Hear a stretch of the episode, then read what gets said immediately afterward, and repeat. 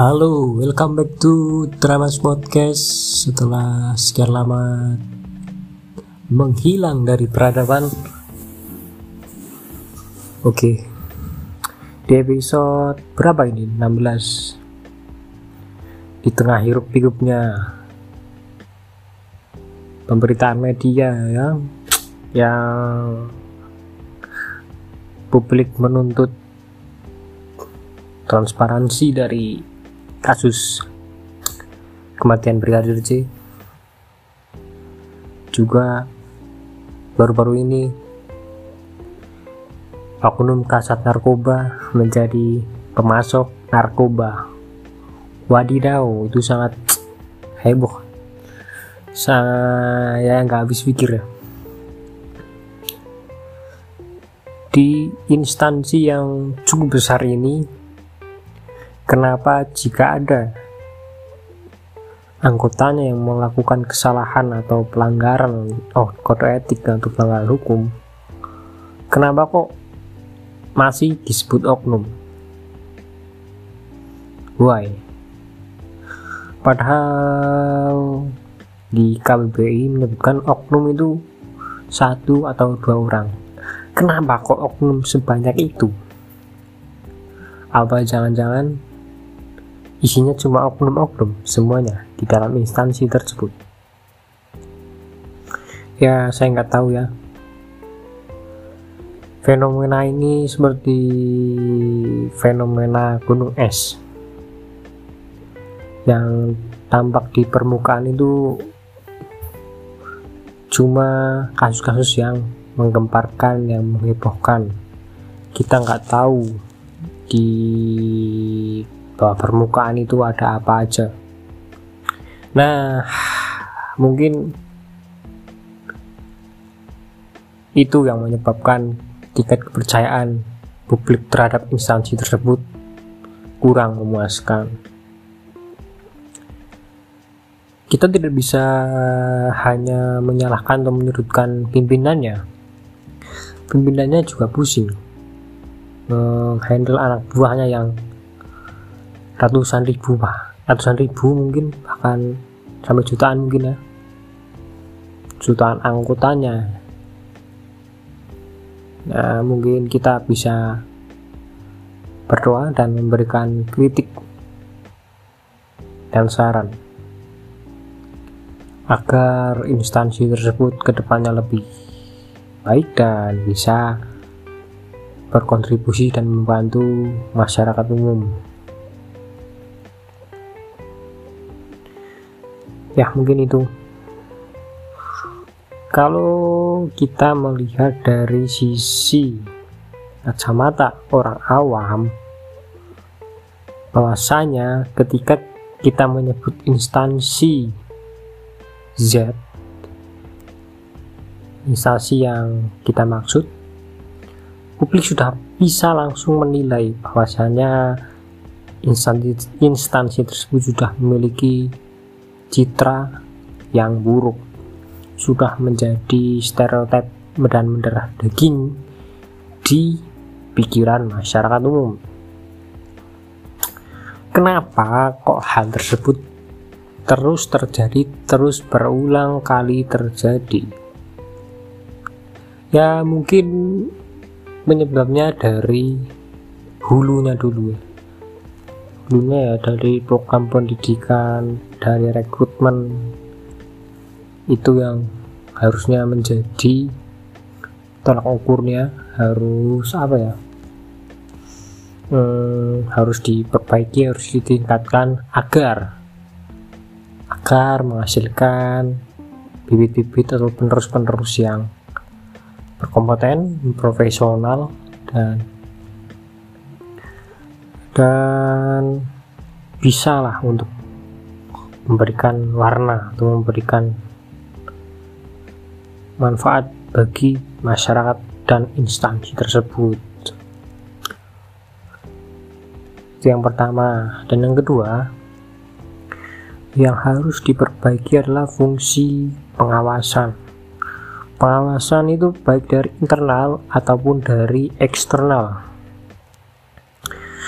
Dari internal yaitu adalah seperti kita ketahui bersama pasti di mana pun instansi apa pun pasti ada pengawas internal. Nah pengawas internal itu kita tidak tahu bekerja secara optimal atau hanya bekerja apa adanya. Kita nggak tahu. Yang tahu ya orang-orang intern di dalam di dalam organisasi pengawas di dalam internal instansi tersebut.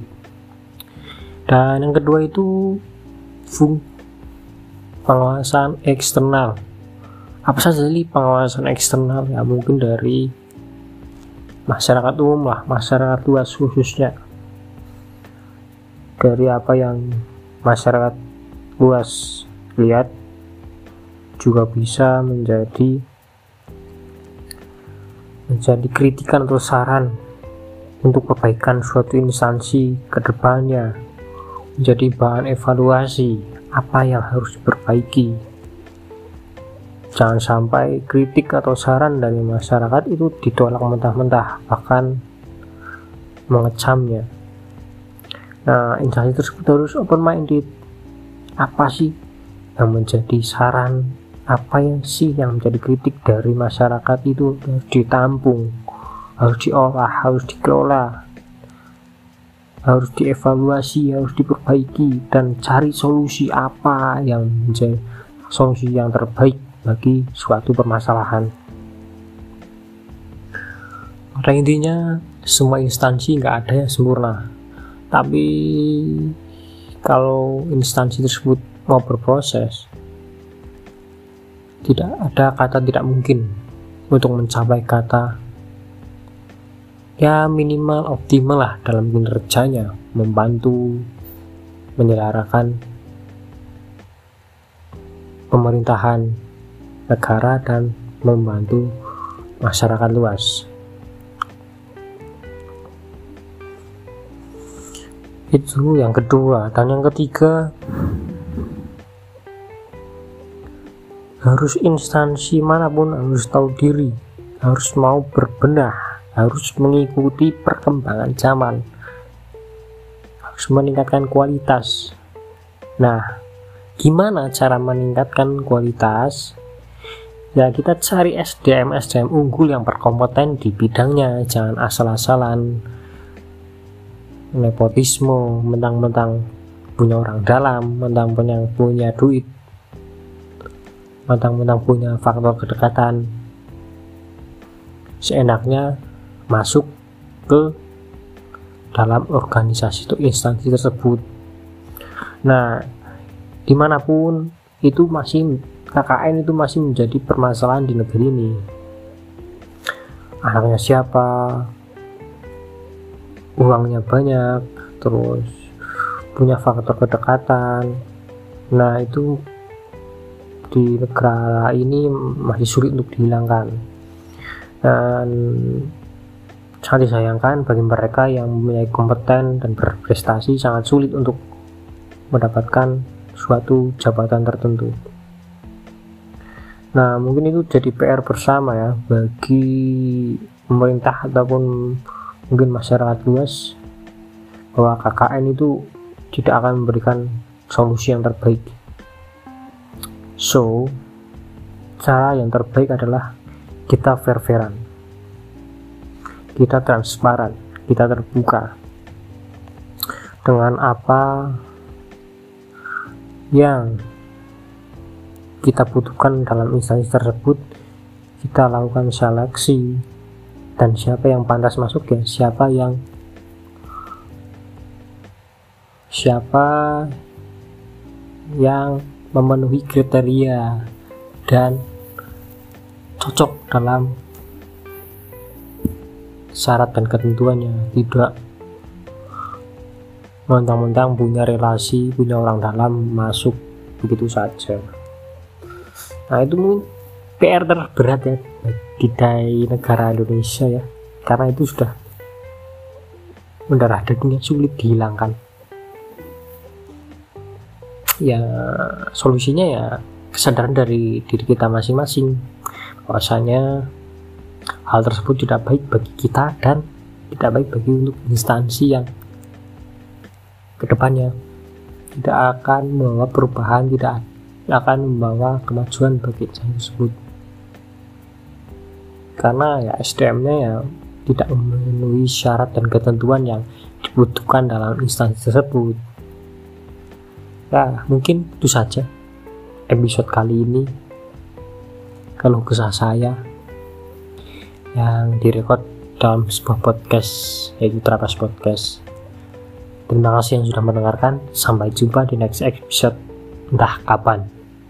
Assalamualaikum warahmatullahi wabarakatuh